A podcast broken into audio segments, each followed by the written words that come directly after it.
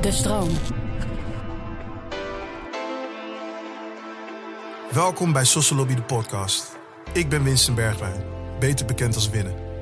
Afgelopen november start ik met gelijkgestemden een positieve movement met het album Lobby 2. De titel betekent alleen maar liefde. Ook wilden we in onze ogen onderbelichte thema's in de spotlight zetten. Met de podcast gaan we hier een stukje dieper op in. Vandaag hebben we drie gasten. Soor. Ik rap, uh, produceer muziek. Ik um, doe sinds kort ook wat A&R in. En ik regisseer ook mijn clips. Young Nelg. Ik hou ervan om dingen te maken. Om mensen te inspireren. Dat zij ook dingen kunnen maken. En de hoogste potentie uit hunzelf kunnen halen. En Glenn Helberg. Ik ben door het leven gegaan in mijn beroep als psychiater. En uh, binnen de psychiatrie heb ik ook kinder- en jeugdpsychiatrie gedaan. Ze hebben het over mental health. Maar allereerst vragen we de mensen op straat hoe het hiermee staat. Hoe gaat het met je? Ja, goed hoor. En zou je het ook tegen me zeggen als het uh, minder goed met je zou gaan? Uh, nee, denk ik niet. Ik denk dat het nog altijd een, een, stigma op rust van als je depressief bent of mentale problemen hebt, van los het zelf maar op en het, weet je, de aanstellerij. Dus ik denk dat daar te weinig hulp voor is. Ik denk dat iedereen daar wel last van heeft gehad en vaak geeft het snel een naam als depressie of uh, overspannen. Vind wel dat uh, mensen met, met, met zulke problemen uh, elkaar moeten opzoeken. Want vaak, vaak zeggen ze het zelf ook niet, hè, dat ze in dat zitten. Of ze willen geen hulp aanvaarden, omdat ze dan denken van we worden in een kader gestopt. Zo van um, ze is niet honderd of zo, weet je. Ja, natuurlijk kan je wel altijd naar je vrienden gaan, maar dat het in één keer weggaat, ja, dat is er niet. Einde van de dag ben je, je bent alsnog toch wel alleen. Ja, wat vond u van de dingen die u hoorde? Nou, ik moet je zeggen dat uh, als er die mensen daar zitten, ja. althans die gevraagd zijn, dan zeg ik eigenlijk dat zijn ook wij die hier zitten. Zeker. Ja, dus uh, we zouden ook een rondje kunnen maken en zeggen van wat vinden wij ervan als het gaat hmm. om uh, mental health problemen. Want meestal zie ik dat als mensen het daarover hebben, dat ze het over andere mensen hebben. Ja. En het is fijn als je het daarover hebt, dat we het gewoon heel dichtbij brengen, ja. weet je. Um, want dat is het spannende. Dat je het eigenlijk benadert vanuit, uh, ja, hoe is, het zo, hoe is het voor mij? Ja. Hoe ga, daar gaat het voor mij over. En het is deels mijn vak. He, dus ik uh, ben als psychiater, ben ik er heel druk mee bezig. Maar ook door de training in mijn vak heb ik heel erg geleerd om met mezelf bezig te zijn, de relatie met mezelf te hebben. En ik zeg altijd, ik heb een relatie met mezelf, heb een relatie met de anderen en ik heb een relatie met de omgeving. En die zijn allemaal belangrijk.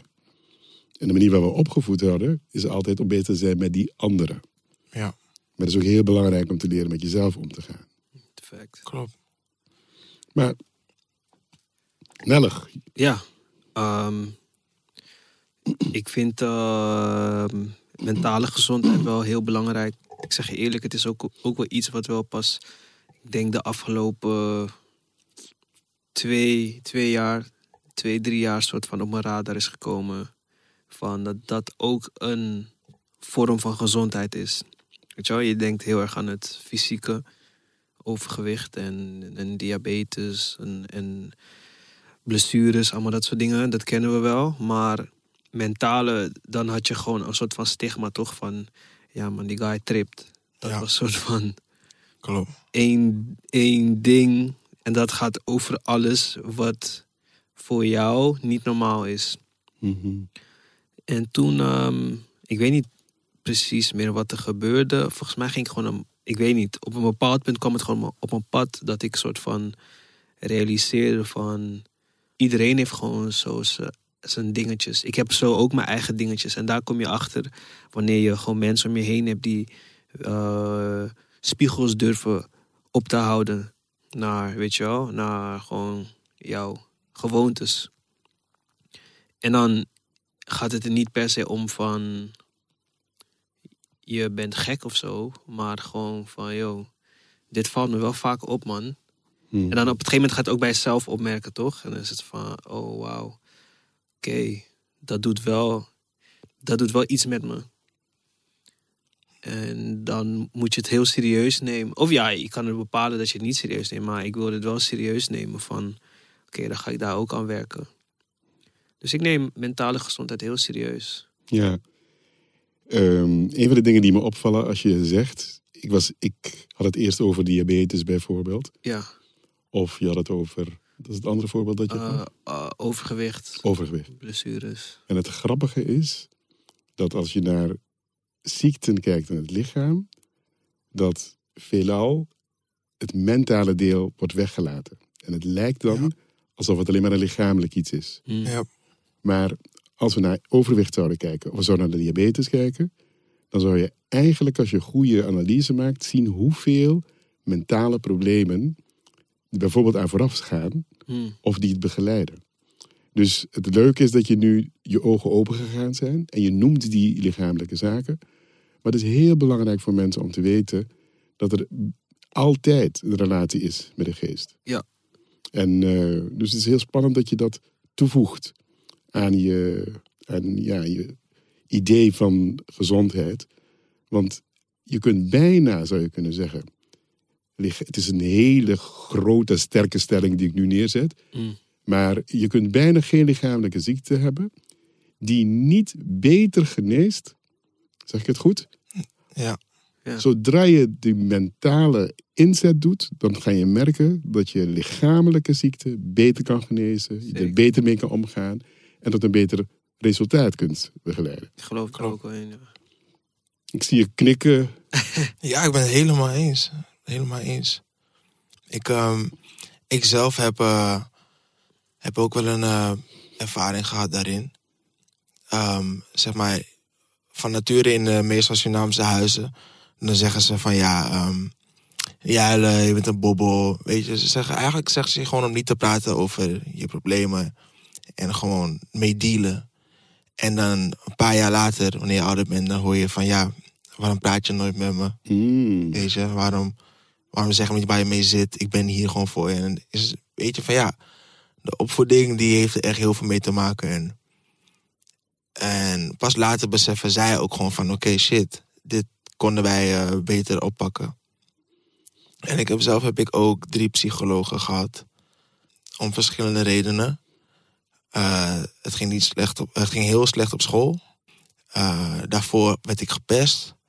En in een totaal geheel had ik ook heel veel problemen thuis, zeg maar. Heel veel huiselijke problemen. Dus ik heb er van jongs af aan heel veel meegemaakt. En ik heb ook nare ervaring gehad met psychologen en hele goede ervaringen. En ehm, je hebt een hele goede stem trouwens, wil ik even zeggen. dus ja? eh, psychiater die ging zo, ah, dat is waarom die stem zo soothing is. maar ehm, dat hadden mijn eerste twee dus bijvoorbeeld niet. Mhm. En eh, zij begrepen zeg maar niet de context waarin ik ben opgegroeid. En eh, zeg maar in Zuidoost opgroeien is wat different dan een psycholoog die uit Hilversum komt of uit Amstelveen. En sommige dingen uitleggen, dat, dat ging niet. Mhm. En ik wou gewoon geholpen worden ook. En pas mijn derde, eh, ik wil even snel een shout-out geven, Bella Fernandes. Shout naar Bella Fernandes, ze heeft me gefixt.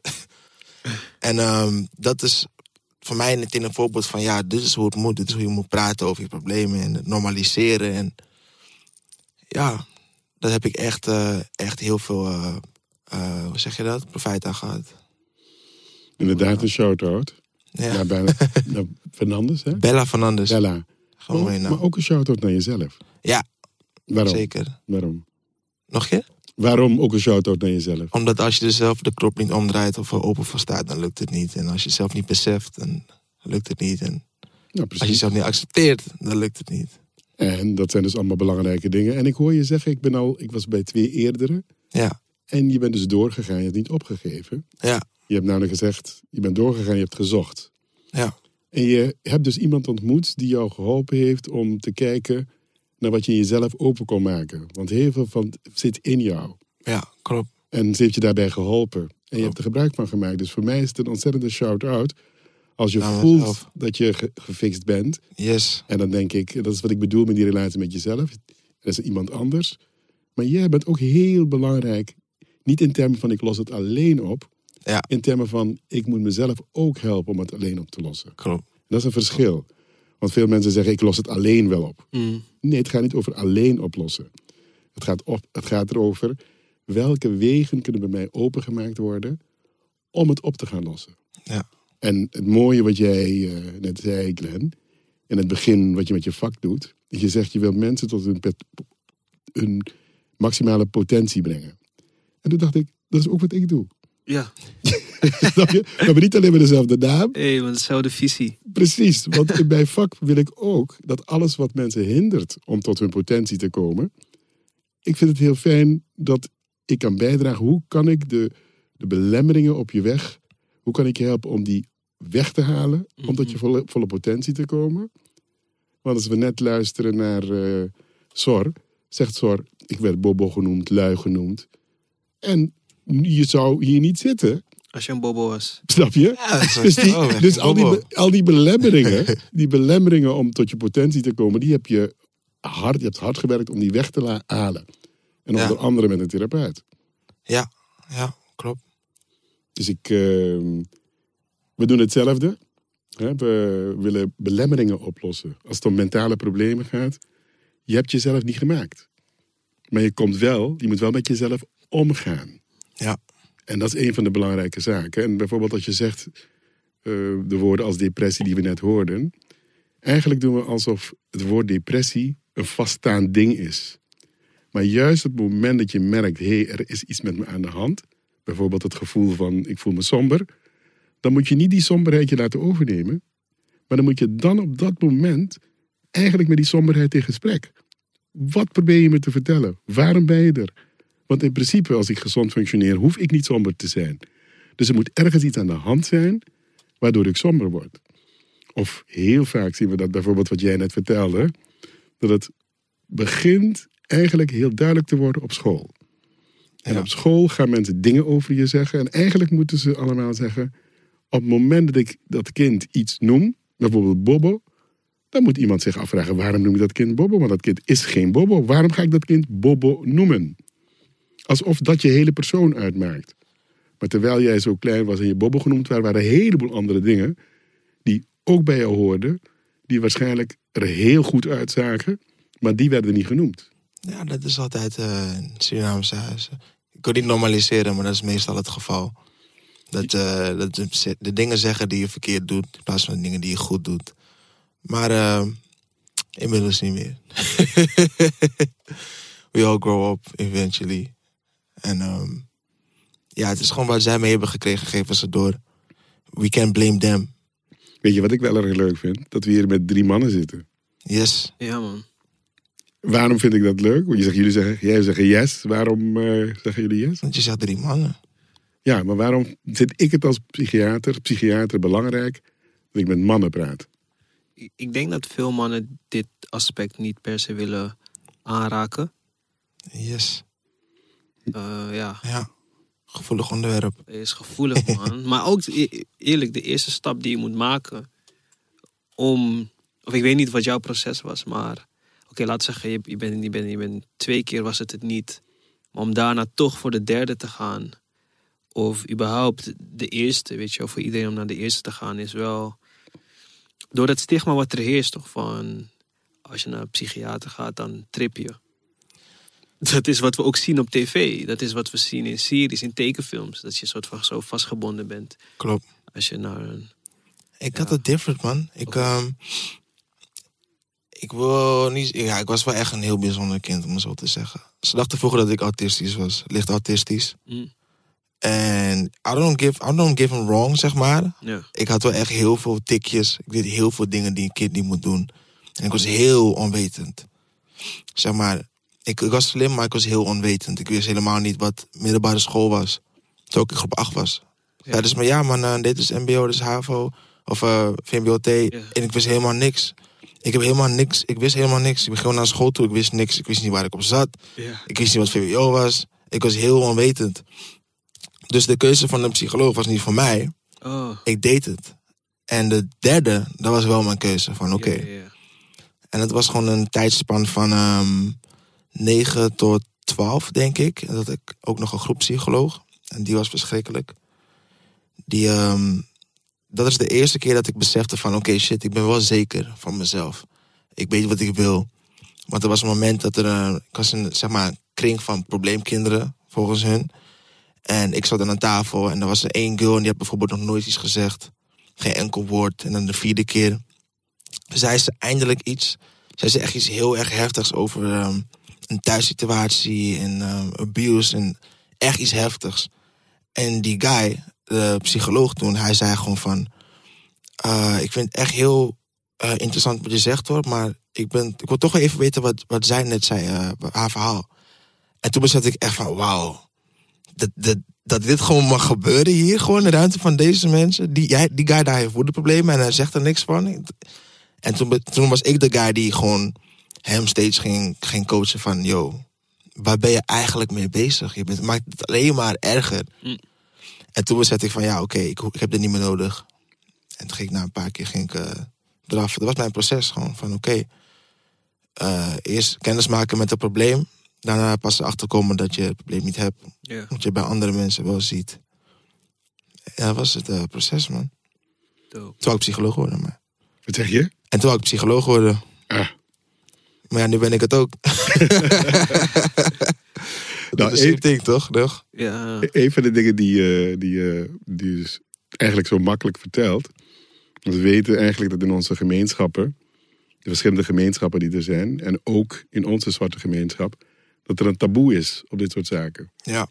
En ik zie dat je er heel relaxed over kan praten. Je bent er doorheen gegaan en je bent er eigenlijk alleen maar sterker door geworden. Ja. Dus hoe zit het met het idee dat jij er zo makkelijk over kunt praten? En hoe, hoe zien jullie eh, hoe het zit met het taboe? In, die, in de gemeenschappen en in het bijzonder als het gaat om de versterking van ons, ja, van ons. Mhm. Hoe zien jullie het taboe in de gemeenschappen en met name onze zwarte? Het is er wel. Het is er denk ik vooral door. ehm, dus ik kom uit Ghana. Mm, En ehm, in Ghana, wanneer iemand disconnected is met de realiteit waar iedereen in zit, dan hanteert die persoon een bepaalde lifestyle, weet je wel. Like, er is daar niet per se een, een vangnet als hoe dat hier is. Dus de makkelijkste term en een, kader waar ze in kunnen plaatsen dan is gewoon, ja, die persoon is gek geworden. Ehm, maar dus dat neem je dus dan uiteindelijk mee naar als je hier ook komt. En weet je wel, daar kan je je ouders, et cetera, niet voor blamen. Maar een soort van. Er wordt alleen niet onderzocht dus naar die persoon die disconnected is van de realiteit. Van wat waren de fases dan waardoor die persoon is gegaan om uiteindelijk daar te komen. En het kan zo zijn, naar mijn gevoel kan het al zijn dat door eh, eh, ja, niet genoeg aandacht van huis, eh, liefdesverdriet of onzekerheid. Al die dingen zijn toch gewoon negatieve energieën of gedachten die zich zo kunnen opborrelen en vorm aan kunnen nemen en steeds groter worden. En dan op het gegeven moment raak je disconnected. Maar er was niemand die soort van in het proces daar naartoe had gevraagd van, yo, what's going on? En ik denk dat daardoor, dat daardoor zeg maar, ehm het stigma heerst dat als je naar een psycholoog of, een, of, of, of, of, of als je gezondheids, eh, mentale gezondheidsproblemen hebt, dat je dan pas bij het uiterste moet zijn geweest. Dan pas acknowledges ze dat, zeg maar, als ehm, iemand die hulp nodig heeft. Ja. Terwijl het eigenlijk al zou moeten bij de, ja, gewoon zo vroeg mogelijk als je dat aanvoelt. Dat is wat ik denk. Klopt. Klopt. Dat, maar die taboe is ook echt. Ik, weet, ik denk dat, de druk ook gewoon hoger was, zeg maar. Vooral bij, bij, bij zwarte kids, zeg maar. Bij, we hadden, zeg maar. Ik ben opgegroeid met, opgevoed met de mindset van: oké, Ros, je moet harder werken. Je werkt hard. Je moet harder werken. Je moet, je moet harder werken dan, dan de rest van je klas, van de mensen die je kent. Ja. Zeggen je, je, bent, je, bent, je bent een zwarte jongen in, in, in dit land. Ze zeggen gewoon van ja, je moet harder werken. Je moet jezelf drie keer zo hard bewijzen. Het is gewoon zo. Mhm. Zo ben ik opgevoed. Met een, zeg maar, een setback. Maar eh vinden is dat ze gelijk hadden. En dat hun manier van vertellen misschien wel weird was. Maar eh, die taboe is ook gewoon eh, versterkt daardoor. Van oké, ik mag niet zwak zijn. Kan niet breken. Ik mag niet zwak zijn. Ja. Ik mag geen lauwman zijn. ik weet toch, ik moet gewoon, ik moet met chess zijn eigenlijk gewoon altijd van oké, ehm, zeggen wat ik wil. En eh, door het erin te dreunen is het averechts gaan werken, weet je. Mm. Maar ja, dat is eh, de- de- hoe ik die taboe vooral zie. Hoe ziet u hem? Weet je, ehm, ik ben nu 66. En dat ik hier met jullie zit is voor mij geweldig. Want eh, in mijn beleving ben ik al heel lang met naar buiten brengen van gezond, geestelijke gezondheidsproblemen bezig. En eh 40 jaar geleden had men, ook, had men het ook over het taboe. En ik wilde heel graag dat taboe doorbreken. En ik heb op verschillende manieren dat geprobeerd. En als ik nu door jullie uitgenodigd word om te zeggen... nou, ga even lekker zitten met... eh, stel jonge mensen erover te praten. Dat is in eerste instantie voor mij al het bewijs dat het taboe aan het doorbreken is. Yes. Ja, ja. Dus dat is voor mij al geweldig. Dat ik hier eh, kan zitten en dat jullie er zo over kunnen praten. En ik zei net dat, ik met, dat we met mannen hier zitten.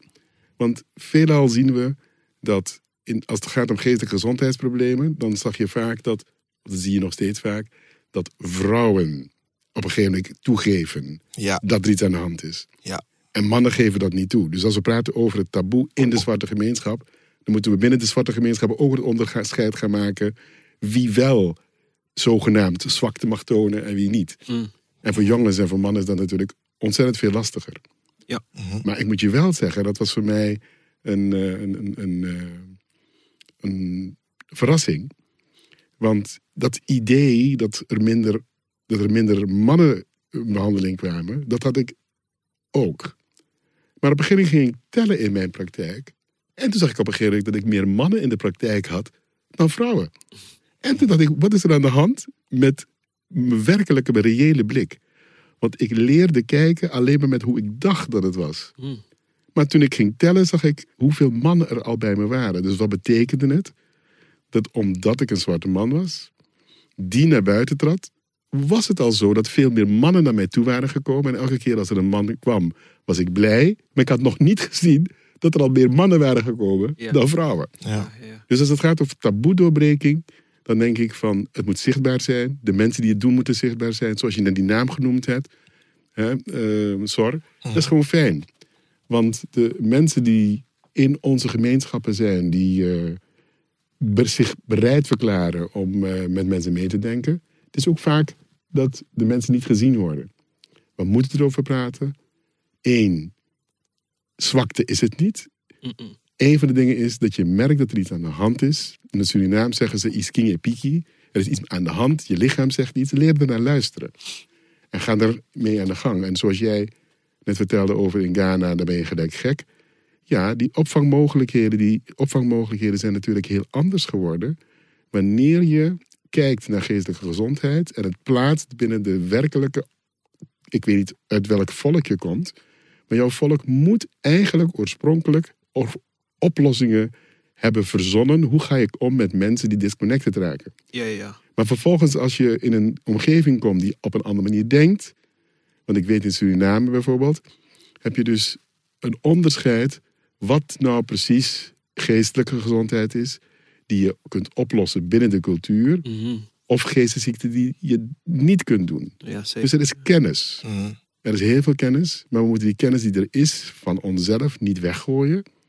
We moeten die kennis gaan gebruiken. Mensen moeten erover praten om alles weer te gaan connecten. Want we, zijn, we praten over geestelijke gezondheid. Maar als we specifiek zeggen zwarte gemeenschap, dan zijn we eigenlijk als zwarte gemeenschap disconnected. Dus dat we allemaal ook nog eens een keertje zo ver komen, betekent dat we ongelooflijk vermogen hebben om disconnected nog zo ver te komen. Ja. Je hebt dus op het niveau van de gemeenschap zien we heel veel disconnection. En, eh, en op een gegeven moment gaan we het noemen gekte of ziekte. Of in mijn, in- wij noemen het stoornissen of we noemen het dysfuncties. Ehm, als het gaat om mensen. Maar het begint al in zwarte gemeenschappen om te zien dat we disconnected zijn van onze eigen wijze om gezond te zijn. Ja. Zeker. En dan kom je in een, in een soort van eh, idee terecht van eh, dat we gek zijn. Maar we hebben woorden daarvoor. Ik, bijvoorbeeld, ik sprak bijvoorbeeld met ehm, Nana, hoe heet het nou weer? Eh, ehm, Markelo, de hoge priester van de Winti.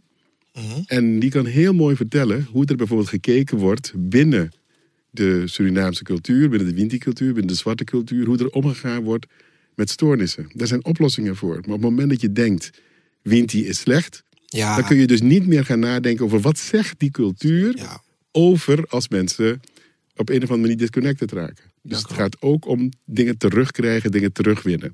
klopt. Maar ik hoor jou zeggen, ja, ja, maar die, Ja, heel veel mensen denken dat Winti slecht is. Heel veel mensen denken het. Maar het is juist je sterkste connectie met je voorouders. Onder andere. Er is altijd één persoon in de familie die het heel heftig heeft. Is het bijvoorbeeld, wij weten nu dat mijn nichtje, eh, mijn zus heeft een kind gekregen. En iedereen weet dat, het, dat zij het is in onze familie. Wow. Vooral omdat mijn zus ook gewoon hoofdpijn was geweest, om het zo te zeggen, weet je. Dat is- dat was zwaar gemaakt voor eh, iedereen. Eh, net als ik, maar ehm, zij is wel, zeg maar, degene die het dichtst bij zit. Hoe, hoe Dus, weet je eh, dat? We weten het gewoon. Je voelt dat gewoon. Iedereen zei het gewoon. Iedereen weet het. We hebben ook onze oma verloren. eh, twee jaar geleden. Oma Rosie. En ehm, mijn nichtje, haar tweede naam is ook Rosie geworden. En mijn zus had gewoon gevoeld dat het moest. Weet je? Al wou mijn pa het niet, als het ware. Maar ehm sometimes you know. Ja, man.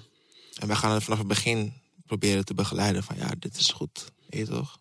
En die, dat, datgene waarvan je zegt, we weten het gewoon. Dat is eigenlijk, vaak zie je in culturen, onze culturen, dat die kennis verloren is. Maar de gevoelens niet verloren zijn. Er moet opnieuw naar de woorden gaan zoeken. Ja. Net zoals in de Ghanese cultuur, Antilliaanse cultuur, Surinaamse cultuur. Er is heel veel kennis bij ons. En, eh, en eh, die kennis, die moeten we weer terug gaan vinden. Mm. En ehm, dus als we bijvoorbeeld kijken naar. ehm, we hebben het nu eigenlijk over die wind die er zo tussen gekomen is. Ja. En eigenlijk praten we over aan de ene kant ehm, de manier waarop worden. in het Westen, in de witte cultuur, naar gezondheid gekeken, geestelijke gezondheid gekeken wordt. En hoe dus bijvoorbeeld in Ghana of in eh, Suriname of de Antillen, Curaçao, hoe er tegen dit soort zaken aangekeken wordt. En wat je eigenlijk ziet is dat iedereen, iedereen, elke, elke cultuur is bezig met na te denken over gezondheid. Als ik jullie bijvoorbeeld vertel dat winti wind betekent. Maar als ik je vertel dat psyche ook wind betekent, dan zie je dus dat ene psyche, zogenaamd westers, zogenaamd ehm, eh, wetenschappelijk, en winti, ehm, nou ja, zoals er naar gekeken wordt. Mhm. Maar als je kijkt naar die twee woorden, It's the same thing. same thing. Dus waar het over gaat is dat de mensen aan het nadenken waren vanuit hun cultuur. Wat is datgene wat de geest bepaalt? En het is nou net datgene wat je niet kan zien. Wind. De wind. Dat is heel mooi. Ja, en het is ook gelijk de wind die je inademt. Ja. Weet je, dat geeft ook het leven. Mhm. Dus wat, wat willen we doen? We willen eigenlijk onze waarden willen we gaan opnieuw gaan bekijken. Want we hoeven niet rond te lopen verarmd in geest. We willen sterker zijn. Wat we willen zien is dat we weer woorden kunnen vinden eraan. En dat is het ding wat we in Nederland hebben. Dat het dus lastig is omdat je cultuurverschillen hebt. Ja. En, en niet alleen cultuurverschillen op zich, want een cultuurverschil op zich is niet een probleem. Maar het feit dat je de cultuur, ene cultuur meer gaat vinden dan de andere, dat is een probleem. Want we maken, als ik dus die woorden winti en psyche vergelijk, en ik vertel dus over die adem, over die wind, dan zien we dat er gelijkwaardigheid is. Mhm. Maar hoe het uitgewerkt wordt en hoe men waarde geeft aan de uitwerking, daar komt dan op een gegeven ogenblik die waarde die gegeven wordt. Daar komt dan het grote verschil, waarbij we culturen gaan indelen in meer en minder. En dat je kunt gaan geloven dat je cultuur minder is. En eh, dus praten over geestelijke gezondheid, dan moeten we in eerste instantie altijd leren denken in waarden, de waarden die we zelf hebben. En de waarde van elk persoon. De waarde die ik heb, de waarde die jij hebt, de waarde die we in onze, in onze relatie willen leggen. Maar zeker ook de context waarin we zitten. Hm. We willen dus met elkaar, als het bijvoorbeeld gaat over school, je bent in een samenleving waar men zegt je moet beter presteren, dan moeten we ons voorstellen dat het eigenlijk misschien wel waar is, maar hoeveel druk legt het niet op een kind? Maar het gaat niet alleen maar meer over ik moet mijn best doen, maar opeens moet ik mijn best gaan doen omdat ik een bepaalde kleur heb, omdat ik ergens iets moet gaan presteren. En het lijkt alsof ik niet eens meer mag, om even zo te zeggen, mag kijken waar het leven uit bestaat. Ik moet nu al presteren. Ja. Ik weet niet wat, wat jullie denken. Ik zie jullie zo kijken en naar me luisteren. En misschien denk ik, oh god, ik praat te veel. Stel je maar Ik praat, ik praat. ik zeg het. Je zegt gewoon eh, precies hoe ik het ken. Ja, helemaal mee eens. Ja, ik, ja, ik denk dat dat gewoon iets is waar wij nu wel, gelukkig door de, door de, door de kennis en dit soort platforms, kan die conversatie wel gevoerd worden. En kunnen meer mensen zich soort van daaraan hopelijk relaten. ehm, voor de oplossing in hun situatie. Maar ook voor de, de nieuwe generatie die wij weer voortbrengen. Of, of ja, die wij weer voortbrengen. Als ik kijk, ik heb, ik heb een eh, zusje van 12. Maar haar hele perceptie, ik merk haar hele bedoen en bewegen is soort van toch wel wat vrijer dan dat het voor mij was. Hmm. Ehm, ondanks, weet je, mijn ouders zijn niet, ja, zijn nog steeds Ghanese en hebben nog steeds hun perspectieven en meningen. Ehm, maar als je zeg maar, zij heeft dus dan mij en eh, mijn broertje. Als je twee oudere broers hebt die toch wat meer open kunnen denken en meer opties willen laten zien, dan merk je wel dat dat wel echt effect en impact heeft op eh, hoe je gewoon als, als, als, als kind manoeuvreert, Klopt. merk ik. Dat vond dat- ik heel interessant. Ik denk dat wij hier ook heel veel veranderingen in maken, bewust. Ja, Je hebt heel veel in hip-hop bijvoorbeeld. eh, gaat het meestal om zeg maar kracht, sterk te zien. Tenminste, dat is wat mensen nu denken, terwijl het vroeger helemaal niet zo was. Maar inmiddels denken heel veel mensen dat de bedoeling is van ja, kijk hier, ik ben sterk. Kijk hier, ik doe dit. Kijk hier, ik heb dat. Kijk hier, ik praat met chess. Kijk hier. Terwijl ik merk dat wij bijvoorbeeld zijn, er zijn heel veel rappers in Nederlands eh, die dat ook gewoon doen, maar wij twee bijvoorbeeld. Wij zijn niet bang om ons zwak op te stellen in onze muziek. ja kwetsbaar gewoon. Kwetsbaar. Ja. En ehm, dat eh, reflecteert echt heel goed op, eh, op de jeugd. Ja, Hoe toch? ik het merk. Heel goed. De realiteit. Ja. Wat, is, wat is kwetsbaar? Wat is kwetsbaar Kwetsbaar? opstellen? Eh, kwetsbaar is wat sommige mensen zien als een gevoelig onderwerp. Of een, om het zo netjes uit te leggen. Weet je, hoe andere mensen denken dat het je het jezelf niet kan laten zien aan de buitenwereld. Mm. En wij normaliseren dat het zo is, We basically. laten een schild vallen. Dus, dus het schild wat, wat komt kijken bij eh, zo'n macho-cultuur, Mm. Ja. die laten wij gewoon vallen. Ja. Maar ik zie dat juist als een kracht. Kijk, ik denk dat mensen vergeten dat als je stel je voor dat wij nu in een, eh, we zouden nu in een oorlog zijn, toch? Mm. Dus eh, echt met eh, rid- riddersachtig, met, met eh, schilden, letterlijk. aha. En je ziet een, een, een stam die zonder schilden komt.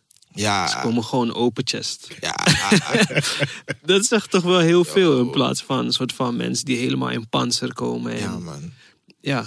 dan is het gewoon van ja man. Dus eigenlijk, met open chest, lijkt het alsof je minder kwetsbaar bent. Maar eigenlijk ben je sterker van binnen. Ja. Je, je weet blijkbaar iets in jezelf. Dat is zo sterk. Wat jou zo sterk overtuigt dat je gewoon denkt van ja man, Mhm. bloot.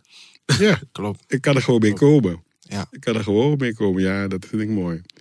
Want meestal zit een kwetsbaarheid kracht. En dat laten jullie zien. Ja. En, eh, en heel veel mensen zijn dus bang dat het kwetsbaarheid, dat dat dat ding is. Maar om je kwetsbaarheid te kunnen opstellen, moet je ergens doorheen gegaan zijn. Je moet durven. En een van de meest belangrijke dingen is dat jullie dus onderwerpen dus durven aan te raken die ook met gevoelens te maken hebben. Ja. En niet alleen met gevoelens van agressie, Ja. maar ook andere soort gevoelens. Want jullie benaderen blijkbaar het hele palet. Ja. Want één van de dingen als het gaat over mentale, mentale problemen, is dat gevoelens vastgelopen zijn. Vastgelopen. Vastgelopen zijn. Dat je in een bepaald patroon terecht bent gekomen, waarbij je eigenlijk, zegt men, geen perspectief meer kunt zien. Maar eigenlijk is het dat je ook niet meer goed kunt voelen. Oh.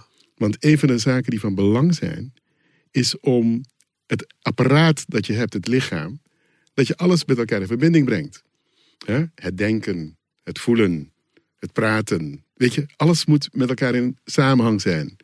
En op een gegeven moment, als bijvoorbeeld je, bijvoorbeeld je hebt bijvoorbeeld een ziekte, mutisme, maar je vertelde net ook van het meisje dat nooit iets zei.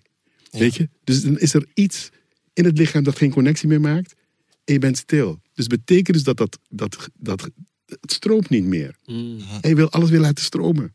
Daar wil je naar op zoek gaan. En als het gaat over autisme bijvoorbeeld, dan schrikt men, jij noemt dat onderwerp. Autisme is een ziekte. Mutisme, Ja. stil zijn is een ziekte.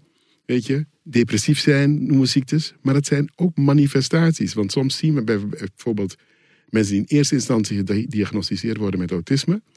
Dan zie je dat er autisme is waarbij we zien, dat is de klassieke vorm van autisme, waarbij we zien dat een van de meest belangrijke zaken, namelijk dat de communicatie niet op gang komt tussen de een en de ander. En dat zie je dan in de ontwikkeling van kinderen. Dan kun je dat hele beeld zien en later kan het veranderen. Ja. Dus een van de dingen die we ons moeten toestaan, is met al die ziektes die we zien, dat we dingen gaan losmaken. En een van die dingen die jullie doen, is die emoties, dat je zegt, stroom maar. Ga maar. Durf te zijn. Hier is mijn blote borst. Ik kom naakt naar jou, bij van spreken.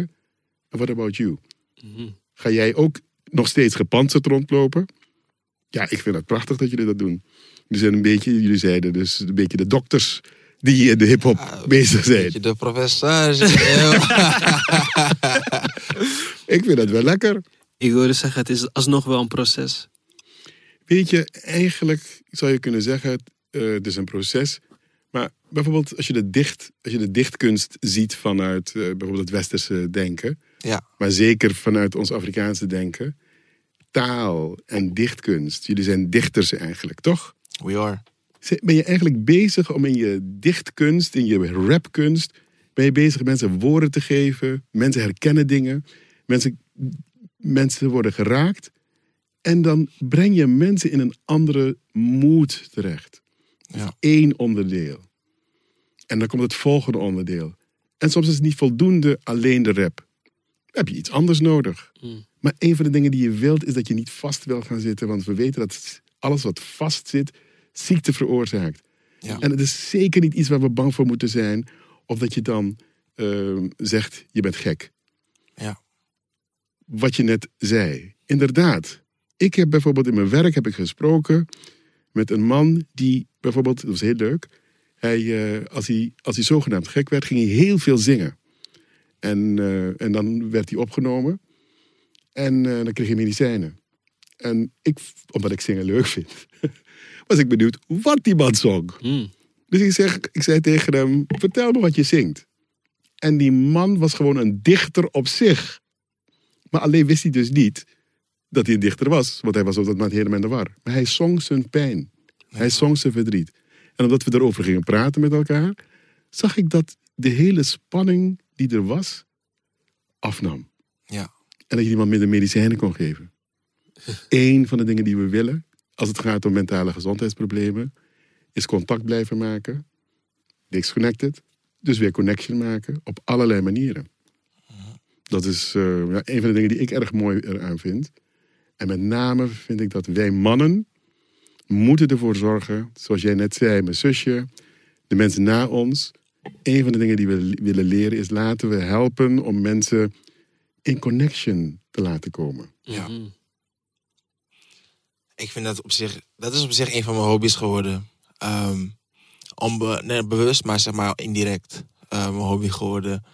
Ik heb altijd, als ik in de studio zit met iemand, vooral voor de eerste keer, ik wil zoveel mogelijk van jou af weten. Ik wil gewoon, het is, ik wil niet zeggen dat het een test is, maar het is eerder gewoon van, ik zeg gewoon wat ik wil zeggen en ik hoop dat jij hetzelfde doet.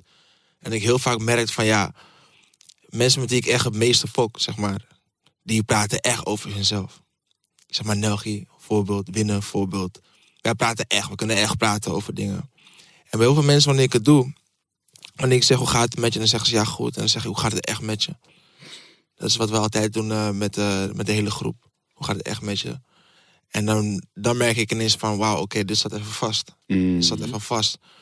En um, heel veel artiesten met wie ik in de studio praat, Mm. en eens muziek mee maak op zich, uh, die vertellen mij dan dingen waar ze mee zaten. Of laten ze, laten ze mijn muziek horen.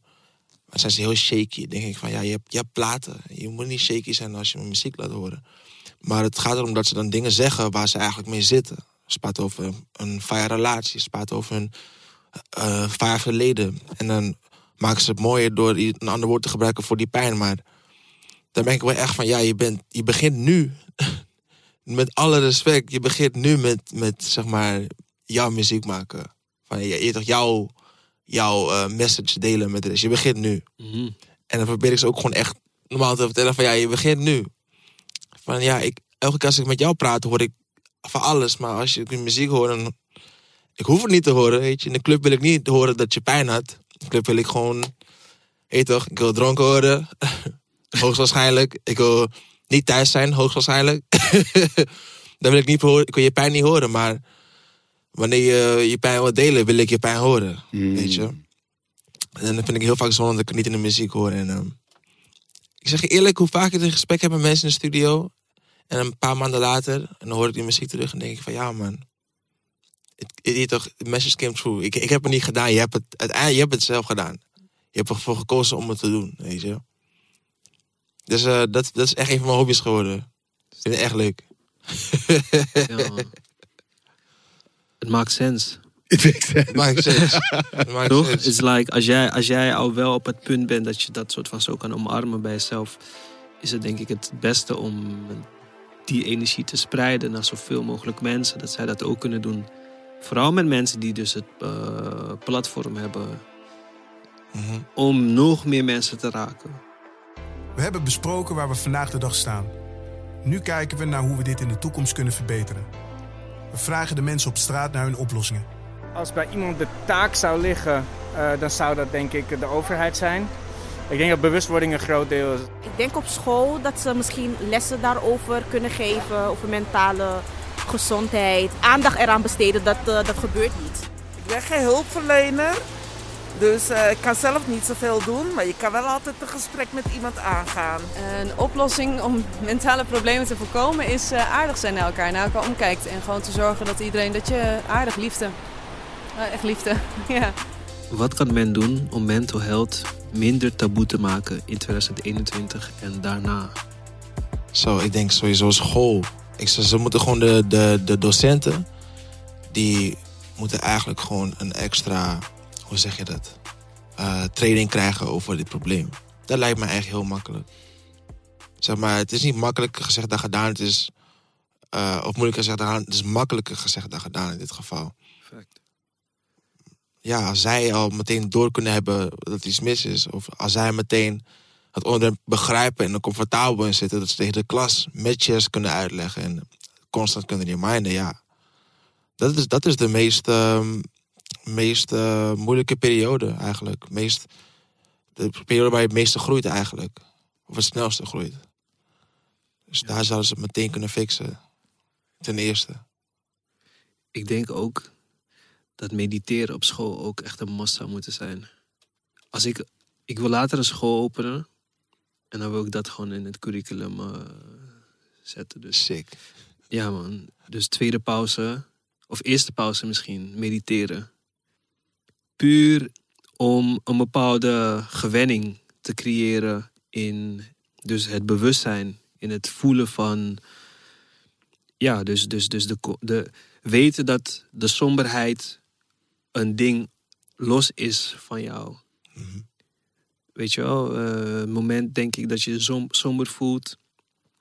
Dan, dan op dat moment denk je dat, dat jij dat echt belichaamt per se. Maar eigenlijk is het gewoon een ding apart. En in een staat van meditatie merk ik dat het wel, dat je echt merkt dat het gewoon een ding is waar je naar kan kijken. Want eigenlijk ben jij Jij bent gewoon een soort beveiligingscamera in je lichaam. Wauw. Ja, ja. ja ben Je eventjes... moest, je eh, moest hem even stil laten, man. Daar. Hey, hey. Of, of ja, hoe kijkt u ernaar, meneer? Nou, kijk, ik, ik, eh, ik werk met ehm, meditatie. Oh. En hoe werk ik met meditatie? Namelijk het gesprek dat je moet hebben, de stilte die je jezelf moet ervaren. Dat je gaat leren observeren. Observeren, naar jezelf leren kijken. En eh, meditatie is voor mij ook bijvoorbeeld als ik nu mijn woorden uitspreek. Dat ik dan me ga verhouden tot mijn woorden. Wat heb ik eigenlijk gezegd? Dat je de rust daartoe neemt. Als je bijvoorbeeld een, een ouder die opeens heel boos wordt en begint te schreeuwen thuis. Hè? Dan zou je eigenlijk tegen die persoon willen zeggen: Ga even rustig zitten. Wat heb je nou net gedaan? Herneem jezelf. Ga terug. Mhm. Wat heb je veroorzaakt? En dus op het moment dat je zegt meditatie, als jij zegt school, dus je combineert, jij zegt school, jij zegt meditatie en dat breng je bij elkaar. Je zegt vroeg bewustzijn. Mhm. Hè? Vroeg bewustzijn, wat er kan gebeuren. En jij zegt bij dat vroege bewustzijn wat je wil creëren, zorg er ook voor dat bewustzijn op school komt met meditatie. Als ik denk in die termen van oplossingen, zo van wat moet je doen, dan begin ik eigenlijk altijd denken met aan neem een condoom als je neukt. Want daar Ja. kan een kind uitkomen. Het probleem voorkomen en niet oplossen. Neem een condoom als je neukt. Ja. Er komt een kind uit. En als er een kind uitkomt, wat ga jij doen? Welke verantwoordelijkheid ga je nemen? Ja. Zeker. En als het kind er is, ga je al je wensen in het kind projecteren en zeggen hoe dat kind moet worden? Of ga je kijken wie is er op deze wereld gekomen? Zeker. Wie ben jij? Want vervolgens, een van de dingen die je doet, is dat dat kind geboren is. Dat kind is eenmaal. En dan komen al die projecties. Het begint al bij het fenomeen dat je als jongetje geboren wordt. Althans, je hebt een piemel. Of je bent als meisje geboren. Je hebt een sleufje. Ja, een sneetje. Daaraan wordt al zoveel gekoppeld. Mhm. Aan wat je zou moeten gaan worden. Dat zijn de eerste verwachtingen. En daarna komen er een heleboel andere verwachtingen. Mhm. Maar kan dat kleine wezen, dat daar geboren wordt, kan niet daaraan voldoen? Dus voor mij begint het met dat we ons moeten realiseren dat als we een kind krijgen, dat je dan op dat moment bezig bent met die persoon te vormen. En wat ga je vormen? Weet je wat je gaat doen? Je kunt niet een heleboel voorkomen. Maar bewust aandacht geven aan die opvoeding. Mediteren, de handeling mediteren. Weet je wat je aan het doen bent? Daar begint een hele hoop mee. Want dat kind observeert jou continu. Jij denkt dat jij het kind observeert. Maar het kind observeert jou continu. Het kind heeft het nodig om van je te leren. En hoe jij net zo begon. Als je in het, in het begin een kind benoemt. Je bent dit, je bent dat. Waardoor dat kind zich gaat terugtrekken. Op een gegeven moment is het kind in de problemen. En dan ga je nu zeggen. En nu ga ik rustig zitten en nu moet je met me gaan praten. Maar in die tussentijd heb je het kind al lang afgeleerd om te praten. Ja. Maar dat kind heeft al lang gezien wat wel mag en wat niet mag. Ja. Dus voor mij is natuurlijk school belangrijk. Maar ik vind dat we met z'n allen moeten weten. En het is niet een oplossing die we alleen maar met de overheid zullen kunnen bereiken. Maar ik wil dat mensen begrijpen. Ik heb een relatie met mezelf. Ik heb een relatie met de ander. En er is een omgeving waar ik me toe moet verhouden. De omgeving is bijvoorbeeld de stad waarin ik woon. De cultuur waarin ik opgroei. Ja. Het is de, de school waarop ik zit. Er zijn zoveel contexten waarmee je, je- waar je toe je je moet verhouden. Maar het begint, ik zal een voorbeeldje geven wat ik altijd geef. Als we bijvoorbeeld het onderwerp seksualiteit benaderen, dan zeggen we vaak thuis, thuis praat men niet over seksualiteit. Ik moet het uit gaan vinden. En dan zegt men daarna dat je voorlichting moet geven. Maar dan krijg je voorlichting. Maar die voorlichting gaat vaak over eerst hoe het biologisch zit en vervolgens hoe je met die anderen om moet gaan. Ja. Maar je leert niet Over jezelf. precies Ja. wat betekent het voor mezelf. Die seksualiteit. Seksualiteit is een onderdeel in de ontwikkeling waarbij je ertoe moet leren verhouden. Wat betekent het voor mij? Mhm. Weet je? Hoe, wat wil ik? Als je in een relatie met iemand komt, op welke manier wil ik me voelen? Wat, hoe wil ik me seksueel voelen? Of wil ik mij voelen zoals ik denk dat ik moet zijn? Omdat men verteld heeft hoe je je dan als jongen of als meisje moet gedragen, dan ga je je zo gedragen. Maar dat ben jij nog niet. Hm. Dus één van de dingen is, hoe kan iemand zich ontwikkelen en langzamerhand echt zichzelf leren kennen? Echt laten stromen. En dit is bijna alsof ik zeg, dit, we moeten ons heel bewust zijn als dat kindje op aarde komt, wie ben je? Ja. En dan komt er nog iets. Met wie, in welke context krijg je het kind? Met wie heb je het kind gekregen? Hebben jullie een relatie waarin dat kan? Grootouders eromheen, hoe doen ze dat? Tegenwoordig zegt men, jullie kennen het spreekwoord, het is een Afrikaans spreekwoord, ik weet niet of het Ghanese is. It takes a village to raise a child. Maar ik zeg nu, and now we have to raise the village. We have to raise this whole village. Het gaat helemaal over hoe wij nu in dit land met elkaar omgaan. Het gaat voor mij ook over, eh, zoals dat, ik wil dat ehm, van de, heet die krijgers weer in de Maasai. Ik heb geleerd bijvoorbeeld dat de Maasai, als ze je groeten, zeggen ze niet, hoe gaat het met jou? Waar we nu net over begonnen. Waarbij je eigenlijk zegt, wil je, het- wil je, hoe zeg je, hoe gaat het echt met jou? Echt met je. Dus dat is één onderdeel waar we met elkaar omgaan. Hoe gaat het met jou? Ik zeg dan tegen bijvoorbeeld tegen de mensen die mij vragen, zeg, wil je het echt weten? Mhm. Of is het even de vorm? Ja. Maar überhaupt die vorm is, als we kijken naar de Maasai, de Maasai zegt, hoe gaat het met onze kinderen? Als ze je ontmoeten. Ja, zeker. Ga, ik ga nou ook. Hoe gaat het met onze kinderen? dat is een heel ander uitgangspunt. Want die kinderen van nu, dat zijn de volwassenen van later. Dus we willen onszelf voorbereiden op kinderen die gezond opgroeien. How are they doing? En vervolgens, als je vraagt hoe gaat het met onze kinderen, in Nederland moet het dan gaan over hoe gaat het met al onze kinderen. Welke kleur ze ook hebben. Of ze beginnen met die witte kleur, of alles wat er vervolgens naartoe gaat in het spe- kleurenspectrum. Waarbij we zeggen dat er een verhaal is van wit tot zwart. En alles ertussen. Hoe gaat het met onze kinderen? Dus dat is voor mij in eerste instantie van eh, groot belang. En dan gaan we langzaam toespitsen tot we het over mentale problemen hebben. Maar in het begin hebben we het ook gesproken over potentie. De, de, de, de mensen tot hun volledige potentie brengen. Betekent voor mij ook dat je niet ziet dat je onderweg mensen afbreekt. Waardoor ze niet tot de potentie kunnen komen. Dat is ook mentale problemen. Alleen zien we dat niet. Ja. We zien een mentaal probleem pas op het moment dat het een depressie is. Ja. Of als men het op een gegeven moment iets noemt als eh, eh, nou ja, ziektes die we kunnen onderscheiden. Psychose of zo. Psychose. Hè? Maar één van de dingen die we willen weten is dat die, onze geest, alles gebeurt in onze geest. Dus als we bijvoorbeeld kijken naar COVID nu. Twee mensen kunnen hetzelfde meemaken in COVID, maar ze kunnen er anders op reageren. Waardoor het anders wordt. Dus die mentale mogelijkheden die je hebt, dat creëert alles. Yes. Dus als we niet aan onze mentale kracht werken, dan weten we dat we bezig zijn om iets van ons, een van onze krachten die we hebben, om het gewoon weg te gooien. Je had er ook iets interessants over, toch? Over, eh, volgens mij zei je iets interessants over eh, hoe mensen dingen beleven, of niet? Nellig. Met betrekking tot COVID? Bijvoorbeeld? Ja, ik heb, ik heb eh, mensen die om veel met mij zijn, die weten dat ik soort van leef volgens een soort. ehm, ik geloof heel erg dus in de kracht van mijn, van, van mijn mentale, weet je, de mentale kracht die ik heb. Ehm, puur door die kracht eh, en geloof zijn we nu hier. Kan ik nu met u hier, pra- u, u hier zitten.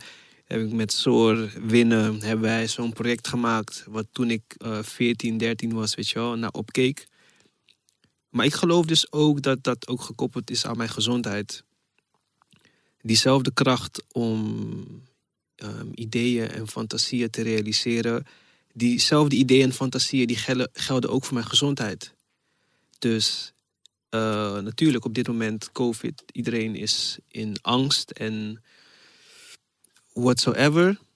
Maar ik heb wel echt, echt, echt het geloof dat ehm, ik mezelf door mijn mentale staat en natuurlijk bepaalde ehm, voorzorgsmaatregelen, maar ja, ik ben best wel los daarin, maar mezelf wel echt daarin heb behoed.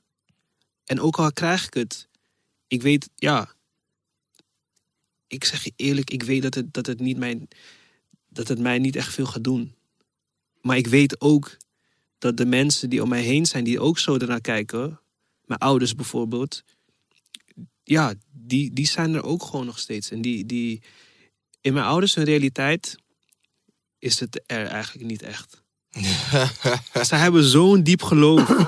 ja. Ze hebben zo'n diep geloof in, ehm, in dat het niet voor hun voortbestemd is. Dat dat niet de route is voor hun. Ja. Als ik op daarop zou reageren, dan zou ik zeggen... Inderdaad is het zo dat mentale kracht van belang is. Alles wat op je afkomt. Je moet verschillende perspectieven kunnen zien. Mm. Op het moment dat je me zegt... ehm, er is iets en we geloven zo dat het er niet is... Ja. dan weet ik niet of ik op dat moment ehm, helemaal daarin mee kan gaan. Maar ik kan me wel voorstellen dat het een bescherming voor mensen kan zijn. Ja. Maar ik kan niet in het algemeen, dus nu hier zittend zeggen van, eh, doe het zo. Maar wat Ja. ik wel heb, wat ik wel heb is dat ik zeg, alles wat je overkomt, ook als het COVID zou zijn, maar ook alle andere dingen, de manier waarop je ermee omgaat, dus die, die, je mentale kracht, daarmee ga je het redden. Klopt. Weet je, ik heb net een vriendin bijvoorbeeld die heeft kanker gehad. Ja. Maar de manier waarop ze het benaderd heeft, is zo open, Mhm. zo krachtig. En op een gegeven moment is het zelfs, ik- haal u twee vriendinnen door elkaar, maar ze- ze doen eigenlijk hetzelfde op hun eigen manier. Is dat ze eigenlijk ook gewoon gezegd hebben: hé, hey, je bent iets uit mijn lichaam binnen me gekomen, je hoort er niet. Mm. Dus het is niet iets van: oh god, ik heb kanker. Ja. Nee, wat kan ik doen? Want dit lichaam hoort er niet. En ik ga de beste dingen doen die er zijn om er, weet je? Ja. Ja. Dat je dus die mentale kracht gebruikt om iets wat op je afkomt, om dat te bestrijden. En je weet niet hoe dat eindigt, maar je wil wel die kracht voelen. En je wilt niet, "Ah, ik ben, eh, eh, ik heb het. En oh Ja. god, wat is me overkomen? En, en waarom overkomt het mij? Ja. Nee. Alles kunnen we kijken. Kunnen we kijken, wat doen we ermee? Ja, die mentale gezondheid waar we het over hebben. Eigenlijk mogen we dat helemaal niet ver- ver- eh, verwaarlozen. Ja. Het moet eigenlijk alleen maar zijn. Alles waarvan ik merk dat ik aan kracht inboet, moet ik er iets mee doen. Klopt. Ik geloof, ik geloof ook echt niet. Ehm, zeg maar, ik heb hetzelfde als Nelgi. Eh, eh, maar alleen als ik zeg maar aan zulke situaties denk, dan zeg ik niet tegen mezelf: ik heb het niet. Mhm. Of ik, of ik ga het niet krijgen of ik ga het nu krijgen. Ik zeg gewoon altijd: ik ben gezond. Zeg- dus in plaats van het negatieve benoemen, wil ik het positieve ervan benoemen. Ja. Dus daarom als iemand me vraagt: hoe gaat het met je? Zeg ik: gezond, gelukkig, Ja. rich. Dat is, dat, dat is de enige drie dingen die ik zeg. Gewoon. Ja, mensen om me heen van ik hou. En omgekeerd, ik zeg elke dag tegen mezelf, die vier dingen. En ehm, ik merk heel vaak dat zodra zeg maar, met een mentaal probleem zit... of met een fysiek probleem zit... dat ik denk van oké, dit is weer een test voor mijn manifestatie... en mijn law of attraction. Dus ik had laatst, had ik ehm, twee weken geleden... eh, als je nog niet weet, ik heb ehm, mijn, gehoor, mijn gehoor verloren. En dat ging in paard met mijn evenwicht en mijn zicht. Dus die drie dingen had ik voor heel veel maanden niet. En eh, toen was ik, zeg maar, ik kon niet eh, rechtop zitten of staan vanwege mijn balans die weg was. En ik kon niet meer zien. Eigenlijk al die dingen kwamen tegelijk. En eh, ik heb twee jaar lang heb ik er geen last van gehad. Of zeg maar wel last, obviously. Mijn oor- gehoor is nog steeds weg. Maar ik kan nog steeds in licht kijken. Dit kon ik helemaal niet doen. Ik kan lopen, ik kan autorijden. En ik was twee weken geleden was ik bij een vriendin van mij. En ik werd wakker in haar huis. Ehm, en ik stond op, ik ging rechtop zitten. En ik moest kotsen, zeg maar, het gevoel van kotsen. Ik was weer misselijk. Ik kon weer niet zien, licht was pijnlijk. Ik had weer oorsuizen. En mijn balans was niet 100% weg dit keer, maar 80%. Dus ik had bijna, bijna precies hetzelfde als toen. En ik was gewoon, zeker een half uur lang, was ik semi in paniek. Want ik dacht echt van, dit kan niet weer gebeuren. Dit kan echt niet weer gebeuren. Dit kan niet meer gebeuren. Dit, dit, dit is het niet. En na half uur besef ik van, oké Ros, dit is een test. Je wordt weer getest. Je hebt dit. En toen zei ik tegen mezelf, Ik zei, laat op. Ik kijk, ik kijk naar boven, mijn ogen dicht. Ik zei, ik ben gezond. Ik, eh, ik ging straks ging ik opstaan en ik had echt een, echt heel leuk weekend. En ik heb auto gereden. Ik heb alles gewoon weer gedaan wat ik kon doen. En toen, ehm, vijf minuten later, of minder dan vijf minuten later, stond ik op en het, was compleet weg. Hm. Compleet weg. Dus eh, hoe sterk je mind is, dat is echt het, laatste, het enige waar ik eigenlijk de laatste paar maanden over denk. Van, je mind kan alles oplossen. Dus je moet niet denken dat je het niet hebt. Je moet zeggen dat je gezond, hebt, dat je gezond bent. Mhm. Nou, ik vind het een mooi verhaal. Ik vind het mooi dat je ja, die eh, kracht hebt kunnen vinden. Dat je niet bent ondergedoken in het gevoel van heb ik dat nou weer? Overkomt me weer? Ja, sterk dat je die eh, mind zo eh, gebruikt. Want een van de dingen die belangrijk zijn bij wat je ook hebt, is hoe kom ik weer in mijn rust, waardoor ik weer kan overzien. Waardoor ik niet bang ben, waardoor ik geen dingen in paniek ga doen. Dus dat zijn eh, belangrijke zaken. If it works, it works, zeg maar. Dat, Ja, maar ja, this works, that works. we got it, guys. nou ja, ik, ik vind het erg leuk om met jullie te praten. En eh, zeker leuk omdat ik weet wie er allemaal eh, jullie achterban vormen. Dus dat ik eh, in jullie gezelschap mag zijn en eh, met jullie mag, eh, hoe heet het? Mag spitten. Gaan- Ja, hey, ik, ik gebruik een woord. Ik heb een, ik heb een, ik heb een ho- woord geleerd. dat ik met jullie mag spitten, dat vind ik, eh, vind ik hartstikke fijn. Dank jullie wel. Ja, Yes. u ook bedankt. Ook bedankt. We hebben echt... eh, veel, ik heb veel geleerd, maar ik denk ook weer veel info weer voor, eh, voor, voor, voor mensen die dit interessant vinden. Mensen Ja. die dit ook niet interessant vinden, Ja, gaat je ook hitten. Ja. klopt, Daar ben ik echt dankbaar voor. klopt. Ik wil jullie allebei bedanken. We willen bedanken. Bedankt. Iedereen die het album eh, luistert, bedanken. En eh, iedereen die nu luistert, bedanken. Bedankt voor het luisteren naar Sociology de podcast. Volgende week zijn we er weer met een nieuw onderwerp. Black Businesses. Met G van Patta, Maru van de New Originals en Ellen Brudet van Colored Goodies. De stroom.